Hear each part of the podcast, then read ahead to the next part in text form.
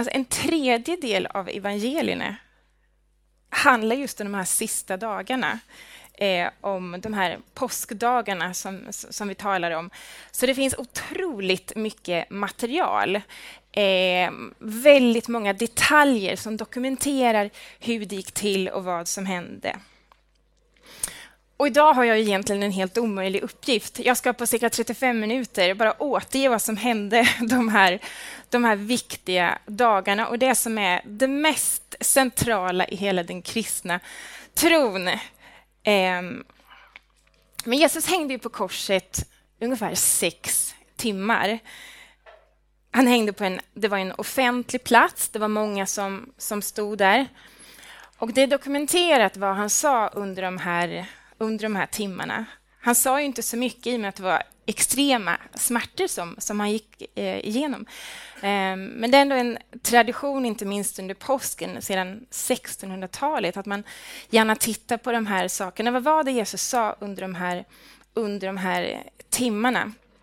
Och jag ska återge det. Eh, så själva strukturen för, för den här stunden, eh, texten idag, ska vi titta på Dels vad som hände den här dagen eh, på Golgata. Vad var det som Jesus sa? Eh, djupdyka i det. Och så vill jag gärna att ni har de här frågorna i bakhuvudet. Vad, hur berör korset mig och hur berör den här uppståndelsen mig idag, 2015? Så en liten... Linus eh, läste ju texten, men bara för att göra en liten refreshment av vad han sa. Backa tillbaka bara lite den här första kvällen. Eh, ni kanske har sett flera av de här Jesus-filmerna och det brukar börja med eh, när Jesus han, han äter middag med sina bästa vänner, lärjungarna. Eh, de har samlats för den sista måltiden. De har inte riktigt koll på det, men Jesus vet att det här är sista gången som jag sätter mig ner och äter med dem. Och Det är då också som han instiftar nattvarden, alltså den sista måltiden. Sen på kvällen så drar de till Getsemane. Jesus han har enorm ångest och det står till och med att han svettades blod. Och under extrema tillfällen när man är under riktig press så kan man just eh, svettas blod. Jesus visste vad som låg framför. Eh, och sen där under natten så blir han också gripen. Han tas till fånga och sen sker det den här rättegången illegala. Det sker väldigt fort. Översteprästerna vill att han ska snabbt bli fälld eh, så att de kan komma till skott eh, med att döma honom till döden. Och det är just vad som händer, att han döms till döden. Han blir eh, han blir först misshandlad. Eh, Pontius Pilatus känner flera säkert till den här romerska ståthållaren eh, som ser till att han blir pryglad först eh, innan han eh, då går till eh, Golgata. Sen är han där ungefär klockan nio eh, på morgonen och det är då själva korsfästelsen äger rum. Och sen ska vi eh, ska jag djupdyka lite de här sex timmarna Eh, på korset och sen på kvällen så begravs Jesus. Och sen tidigt på söndagmorgonen, det är då Maria från Magdala och några andra kvinnor upptäcker att graven faktiskt är tom. Och det är dit vi ska gå i mål med idag. Men det här med sista orden, det är ändå lite så här speciellt. Det är många som skriver ner vad de olika människor har sagt, det, det, det absolut sista. Vill ni höra några sista kända ord? Komikern Lou Costelli lär ha sagt det var den bästa milkshake jag smakat i hela mitt liv. Och så dog han. Julius Caesar, den romerske kejsaren, lär ha sagt, den här känner ni säkert igen. Någon som kan? Även du, min Brutus. Kompositören Ludwig van Beethoven lär ha sagt, Applådera, mina vänner. Komedin är slut. August Strindberg, skallen och nation nationalpoeten, lär ha sagt O kors, var hälsad mitt enda hopp. Strindberg som inte var speciellt känd för sin Kristus efterföljelse. Någonting hände på vägen som gjorde att han avslutade så. Och poeten Dylan Thomas lär ha sagt nu har jag druckit 18 whiskys på rad. Det måste vara mitt personbästa. Och Pancho Villa, den mexikanska revolutionären, lär ha sagt Låt det inte sluta så här. Säg åt dem att jag sa något fint. Så vi ska kika lite på vad Jesus sa, hans sista ord. Ehm, och det första jag vill att vi ska titta på är när Jesus talar med sin fader i himlen. Och vi kikar på eh, verserna Lukas 23, 33-35. Så jag ska bara läsa dem först. När de kom till den platsen som kallades skallen, alltså Golgata, så korsfäste de honom och förbrytarna, den ena till höger och den andra till vänster. Och Jesus sa, Fader, förlåt dem, de vet inte vad de gör. De delade upp hans kläder och kastade lott om dem, och folket stod där och såg på, och rådsmedlemmarna hånade honom och sa, andra har han hjälpt, nu får han hjälpa sig själv, om han är Guds son, Messias, den utvalde. Fader, förlåt dem, de vet inte vad de gör. Cicero, den här gamle romerske filosofen, han lär ha han har skrivit att förbannelserna och det som de här eh, som korsfästes var ofta så, det var så brutalt, det var så förbannande ord, så det var inte sällan som soldaterna faktiskt skar ut tungan på människorna som korsfästes just för att de, de, de vill inte höra det som, det som sades. Eh, Jesus han ber en bön jag vet inte vad du hade gjort. När jag kom under lite press, då kommer det faktiskt fram ett och annat. Ibland behövs det inte så mycket. Kanske någon som kör lite, gör en riktigt dålig omsvängning när jag har bråttom och kör här i min fil. Jag vet inte hur, hur känslig du är. Just när vi kommer under press och kommer under riktigt stark press, vad är det som kommer ut då? Då inser i alla fall jag att jag kanske inte är så god riktigt som jag tror mig vara. Det är ganska avslöjande när man kommer under stark press, vad som faktiskt sipprar ut. Men in i det sista så var Jesus fokuserad på andra människor. Och han kom ju ändå inte främst för att eh, fräscha till vårt moraliska tillstånd, vårt, eh, alltså vårt beteende, att vi ska bli, nu måste det bli en bättre människa. Han visste att vi är inte goda rakt igenom, utan han visste att människan, vi är, vi är fallna skapelse och vi är i behov av honom. Och han visste att vi behövde förlåtelse. Ehm, jag jobbade en period i Malmö på en klass 2-anstalt. Det var en, det var en nyttig erfarenhet, men det var, det var mycket man fick se som för mig var helt nytt. Jag var 25 år och eh, konstnärssjäl och hade inte riktigt rört mig i, eh, i de miljöerna innan. Men bland annat fick jag möta, så mötte jag en, en man som eh, faktiskt, jag kan inte beskriva det bättre än han, han höll på och han hade en enorm skuld. Eh, jag ska dra det väldigt kort, men han hade... Han, han satt inne för mord. Han hade, han hade dödat sin egen fru, sin, sin livs kärlek, under ett galet ögonblick när det hade svartnat. Han missbrukade mycket alkohol. Och där stod han. Hans små barn hade nu inte längre någon mamma och han hade förlorat sin livskärlek. Och det är klart att när man går igenom något sånt, han kunde aldrig förlåta sig själv. Han levde under den här enorma eh, skulden eh, och han straffade sig på olika sätt. De hade en timme de kunde gå ut och gå per dag. Han gick aldrig ut. Han såg till att han inte såg solskenet.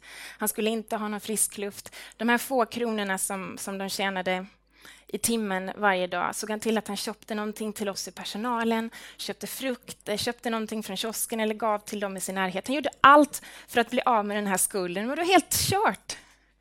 Och Det tragiska är att han lever inte idag. Han klarade inte av det själv. Han kunde inte lösa sig från den skulden. Och Det är klart att det är väldigt få av oss som någon gång får, får uppleva den enorma skulden.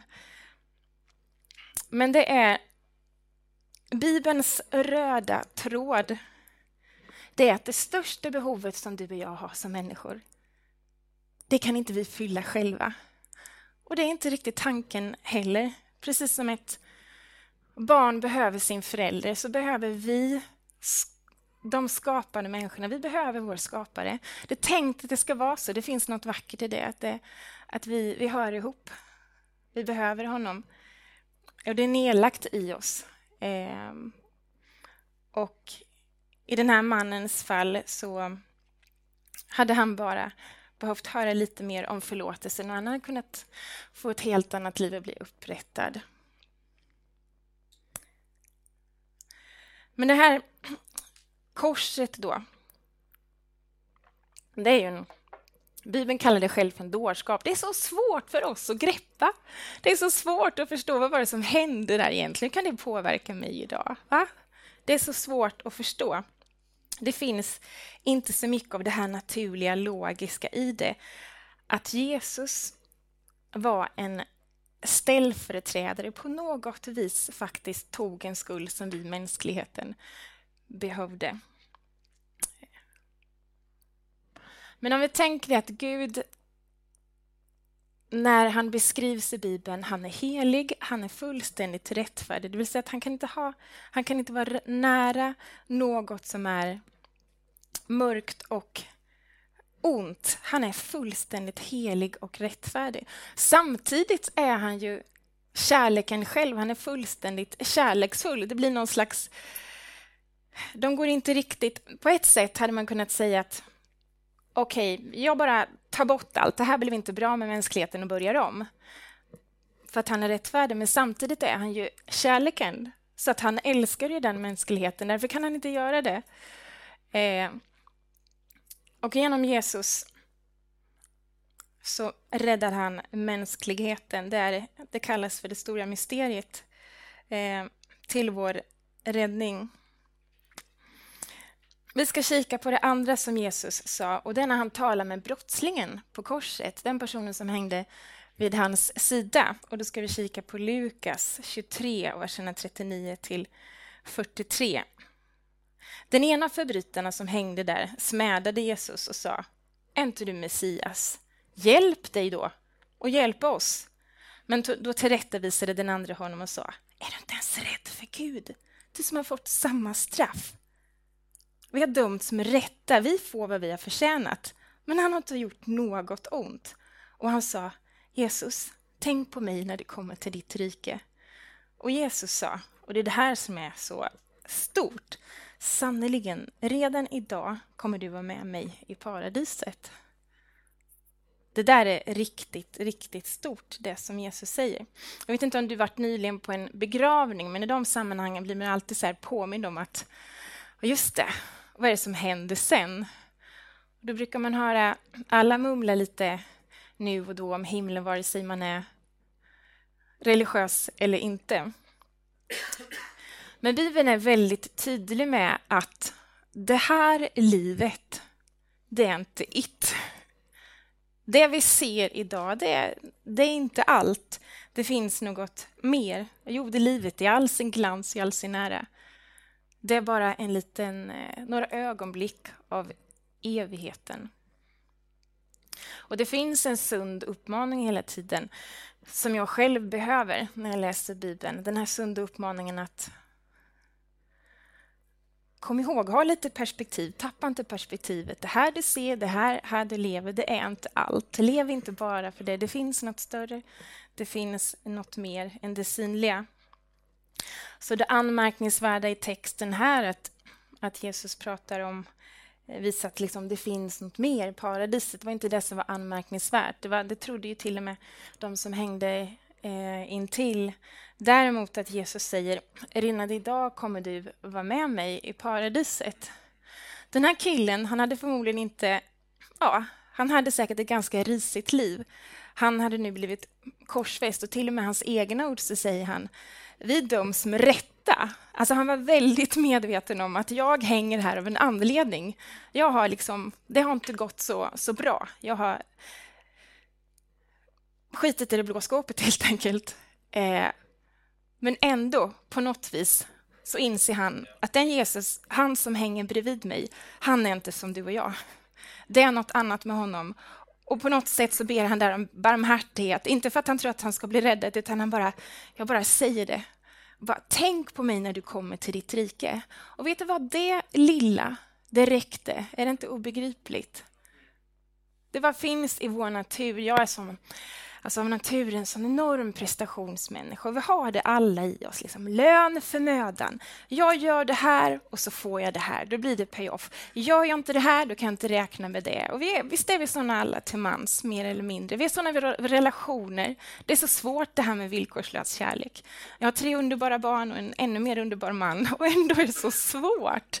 Det här att älska någon villkorslöst.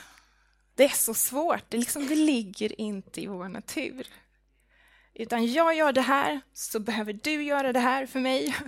Så här. Tio poäng där och då kan jag räkna med att du gör det här. Men Jesus han visar på en kärlek som är bara något helt annat. Något helt annat. Och han visar också att den här killen, den här, alltså en uppenbar loser, han, han hann inte göra en enda god gärning. Han hann inte göra en enda motprestation och Jesus bara säger Alltså det räckte det lilla kornet av tro som han visade när han hängde där. Och Jesus sa, redan idag kommer du vara med mig. Bara så du vet. Han fick syndernas förlåtelse. Han fick, alltså han fick det eviga livet där. Det, det... Och där bredvid hängde den andra. Han har kunnat göra samma sak. Men det gick inte lika bra för honom. Men det, det är väl kanske det svåraste att ta till sig i evangeliet. För det som verkar för bra för att vara sant, vi bara har i vår natur att ja, men då är det, liksom, då är det, är det för bra, låter det för bra, då är det inte sant. Om ni får ett samtal, blir upp, vi säger att du blir uppringd av polisen som berättar att eh, några av dina närmaste anhöriga har varit med om en svår olycka. Ett annat scenario är att du blir uppringd av Postkodlotteriet som med glädje och förtjusning ringer och säger att du har vunnit 3,7 miljoner. Jag vet inte riktigt hur du funkar, men jag säger till personen som ringer från Postkodlotteriet, ah, men nu skämtar du, vem är du, kom igen, jag tror jag känner igen din röst. Alltså det måste ju vara ett skämt. Vad finns i vår natur att men låter det för bra, då är det inte sant. Men när polisen ringer, då är det bara...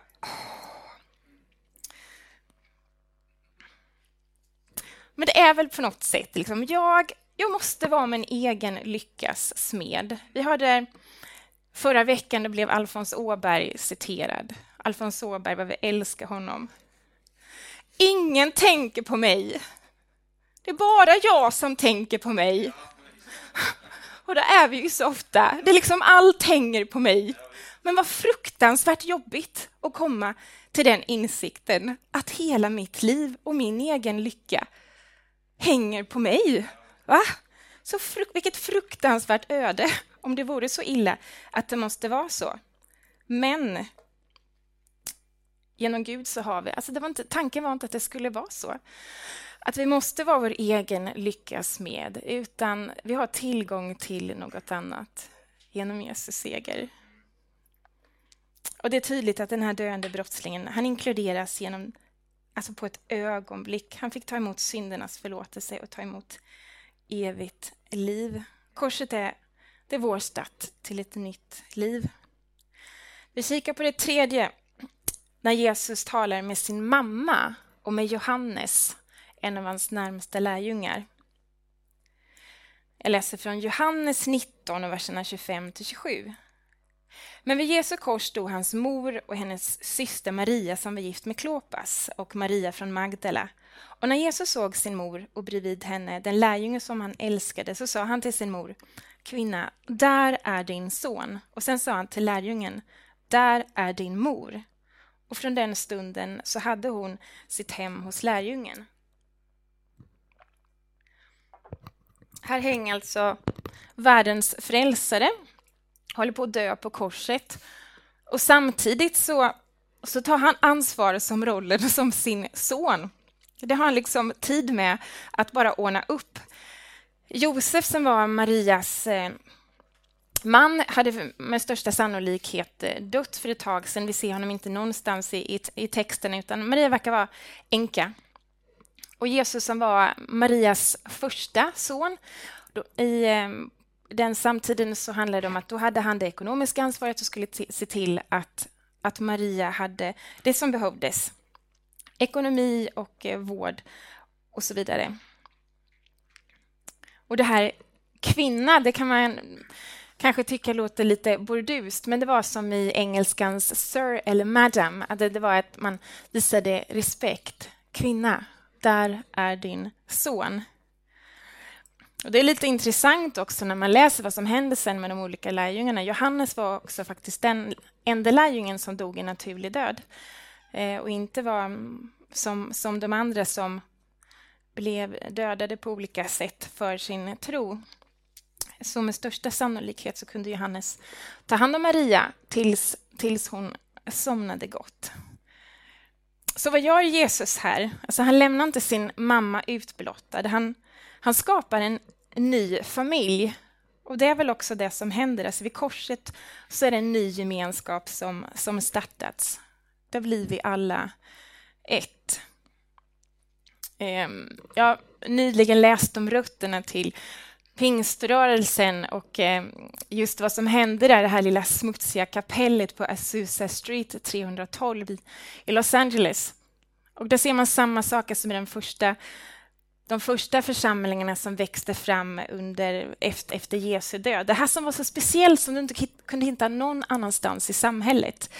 Där kvinnan hade en helt annan roll, där hon fick, hon fick tillfälle till ledarskap, där hon fick eh, synas och höras, som inte alls skedde på samma sätt i samhället. Där olika raser blandades, som vi såg på Azusa Street till exempel. Då var det Eh, det var en enorm rasism under den tiden i USA. Men här i församlingen kunde man bara se hur svarta och vita blandades och eh, från olika samhällsklasser, om det var alltså de mest välutbildade akademikerna och läkarna blandades med de mest fattiga och eh, de som bodde i slummen. Och det är så det är tänkt att vara, att i Kristus är vi alla lika. Det är värderingar som inte hittar någon annanstans.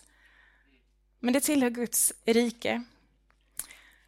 Och vi, och vi är en kyrka som, som har ett namn som är United, som betyder just att vi är enade.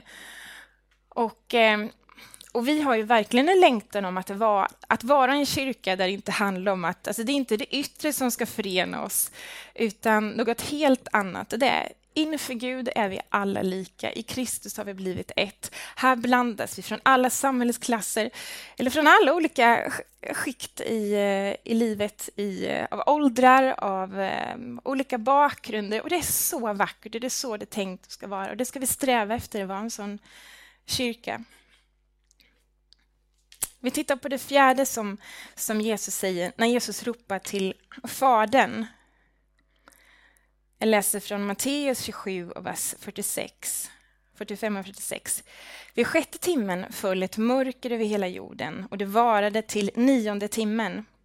Och vid nionde timmen så ropade Jesus med hög röst Eli, Eli, lema sabartani?” vilket betyder Min Gud, min Gud, varför har du övergett mig?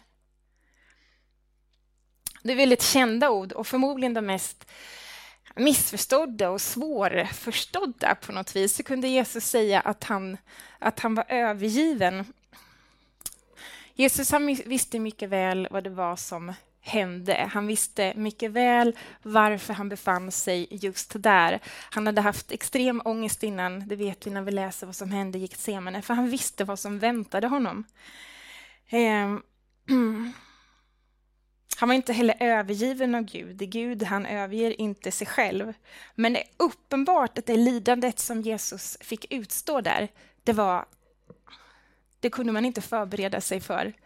Och när jag var liten så hade jag den här bilden att för jag tyckte den här texten jag tyckte det var ganska jobbigt med allt det här blodet och allt. Och då hade jag en bild av att om det var nog inte lika jobbigt för Jesus för han var ju, visst, han var, han var människa, men han var också Gud. Och då tyckte jag väl, det var lite lättare som barn att ta till mig av den här storyn.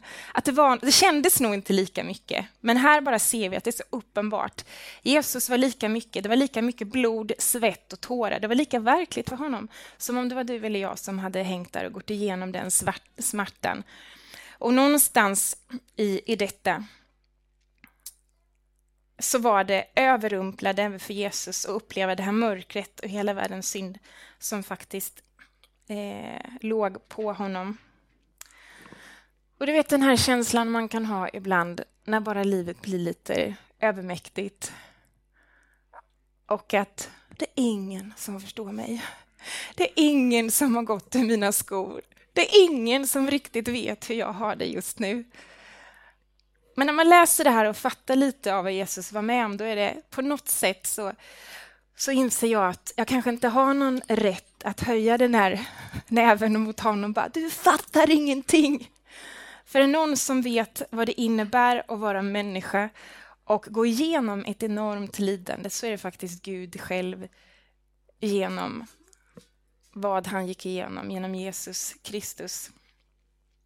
Han vet hur det är att vara människa och det tycker jag är enormt. Det hittar du inte i någon annan religion, det kan jag lova.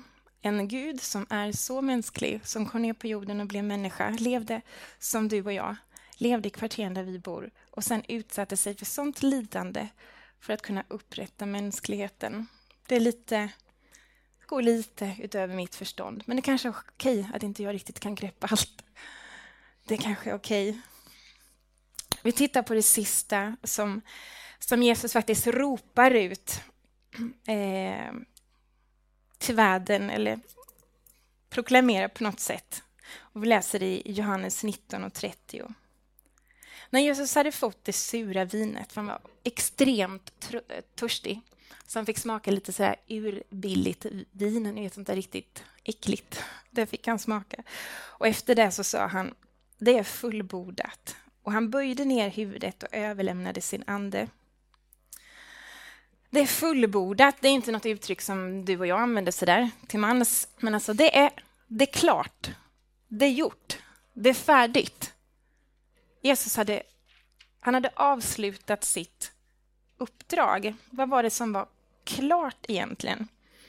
Jesus hade levt i 33 år här på jorden. Han hade tre år av eh, offentliga år egentligen. Det var inte mer. Och han visade på ett helt annat sätt att, le eh, att leva. Han talade om Gud på ett helt annat sätt än vad, än vad samtiden eh, och speciellt de religiösa ledarna talade om. Han, han, han gjorde upp med saker och ting och visade bara på ett, någonting helt annat.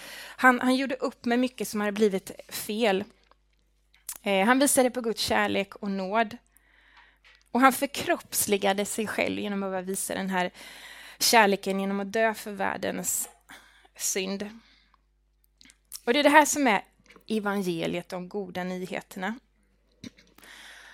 Att genom det som, genom det som Jesus gjorde på korset, när han säger att det är fullbordat, då innebär det att du och jag behöver ingen tilläggsmeny vi i vår familj vi älskar bonusmenyer. Vi vill gärna ha allt extra när vi eh, ska beställa. Liksom, om lite extra dressing och lite extra den och lite extra, extra pommes och så.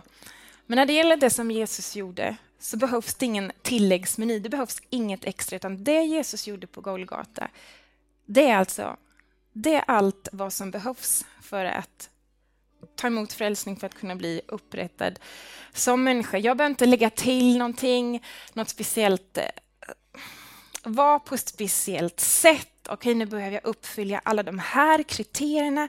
Nu behöver jag ändra hela mitt beteende. Jag börjar med det här och sen kanske jag på något sätt kan närma mig den här store helige guden. Det är inte alls, du kan inte hitta det i Bibeln. Utan när du ser på, läser på Jesus så bara ser jag det är så avskalat. Det är så mycket som är borttaget. Och jag ser att det, det han gjorde på korset, det kan jag ta till mig av idag. Jag behöver inte... Det börjar inte någon annanstans än egentligen det som brottslingen sa. att eh, ja, Kom ihåg mig, Jesus när du kommer till ditt rike. Och jag vill avsluta med eh, uppståndelsen, för det slutar ju faktiskt inte här. Här fick människan möjlighet till att bli förlåten till att bli förlåten, till att bli upprättad som människa. Du och jag kanske inte går runt och bara oh, jag är som syndare. Men det står faktiskt i Bibeln att hela mänskligheten hamnade i det läget och det är därför du och jag, vi är inte, vi är inte syndare för att vi syndar, utan vi syndar för att vi är syndare. Alltså någonstans har det börjat med det läget vi var i. Liksom det, det blev fel från början och därför kan inte riktigt du och jag välja. Det, har liksom, det sket sig för länge sedan, Adam och Eva, ni vet den här storyn. Redan där och därför så kan vi liksom inte bara försöka jobba på vårt beteende, att nu ska jag ordna till, utan någonting skedde där från början. Eh, som nu Gud reparerar genom Jesus Kristus. Och jag gick till frågesajten Bibelfrågan. Och jag ska bara landa där innan vi slutar. Som är förmodligen den största i, i Sverige, som kan vara ganska fyndig att kika på ibland. Och det var en kille som ställde den här frågan. Varför lägger kristna som vikt vid Jesus uppståndelse? Det är ju jättesvårt att tro på något sånt. Och då är det väl inte konstigt om folk inte blir kristna? Det var väl en bra fråga, va? Ställer man inga frågor så får man inga svar. Och då svarar de så här. Väldigt kortfattat, alltså man kan läsa metervis om det här. Om Jesus inte hade uppstått så hade det inte funnits mer anledning att fästa någon vikt vid hans ord än vid någon annan vishetslärares. Det var ändå så att det fanns enormt många personer som uttalade sig som den store gurun som lyssnar på mig, det är jag som har svaret på alla frågor. Det kom ju folk hela tiden och den ene kom och så försvann den andra. Om inte Jesus hade uppstått, då hade han bara varit en av dem alla. Som sen, och sen bara att rörelsen dog ut. Det andra var Jesus han sa ju själv att det kommer ta tre dagar och tre nätter, sen kommer jag faktiskt uppstå. Och hans uppstånd blev faktiskt beviset på att han verkligen var den han utgav sig för att vara Messias, Guds son. Hade han legat kvar där så hade det varit lite snopet. Aj då.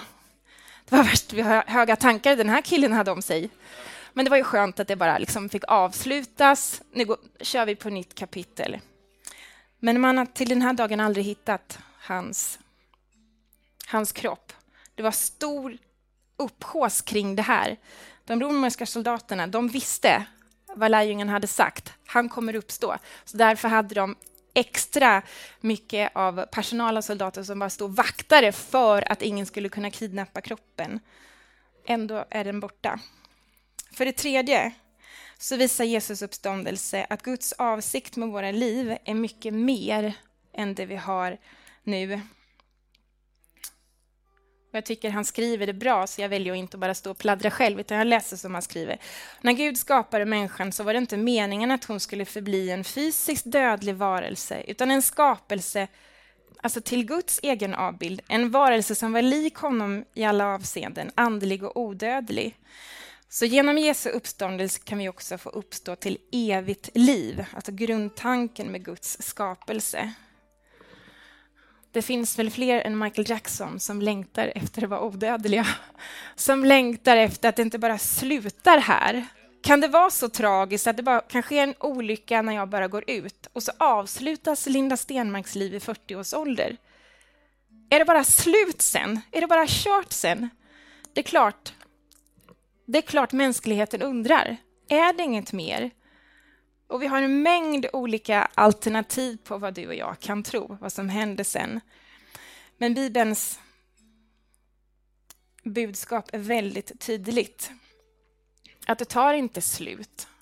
Och att Guds tanke med mänskligheten var att vi skulle få vara till hans avbild, som det står i första kapitlet när vi öppnar Bibeln.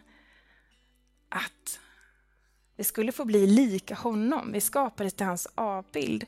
Och vi fick del av, alltså, av hans eviga liv. Vilket inte bara betyder att okej, okay, jag får komma till himlen en dag, utan faktiskt att det, det livet som Jesus står för kan jag få leva av alltså idag. Jag behöver inte bara, det är inte så bara att det börjar när jag dör, utan redan idag så kan det här livet påverka mig. Och jag måste ärligen säga att eh, att mitt liv är annorlunda nu än eh, vad det hade varit om jag inte hade haft, fått del av den här källan till det här eviga livet. Jag tycker det är enormt svårt att bara sätta ord på. Jag tycker det är enormt svårt. Det måste jag önska att det hade varit lättare att förklara. Men jag ser en väldigt tydlig skillnad i, i mitt liv. Med alla mina svagheter och alla mina fel så har jag ändå tillgång till det livet som genom Jesus. Och det, alltså jag har närhet till det idag, inte bara den dagen som jag får flytta hem, somna in och hamna i det som brottslingen kallade paradiset. Utan redan nu så kan du och jag bara få leva det här, få leva upprätta relationer. Det kan påverka dig i dina relationer, som familj, alltså på ditt jobb. Det är inte bara så att eh, alltså livet med Gud att det är något sånt här andligt som, som är en liten tårtbit vad du gör på söndagen, utan det påverkar ju dig och mig vad vi än gör i våra relationer, alltså måndag till söndag. Det, det, det är på riktigt. Det är på riktigt.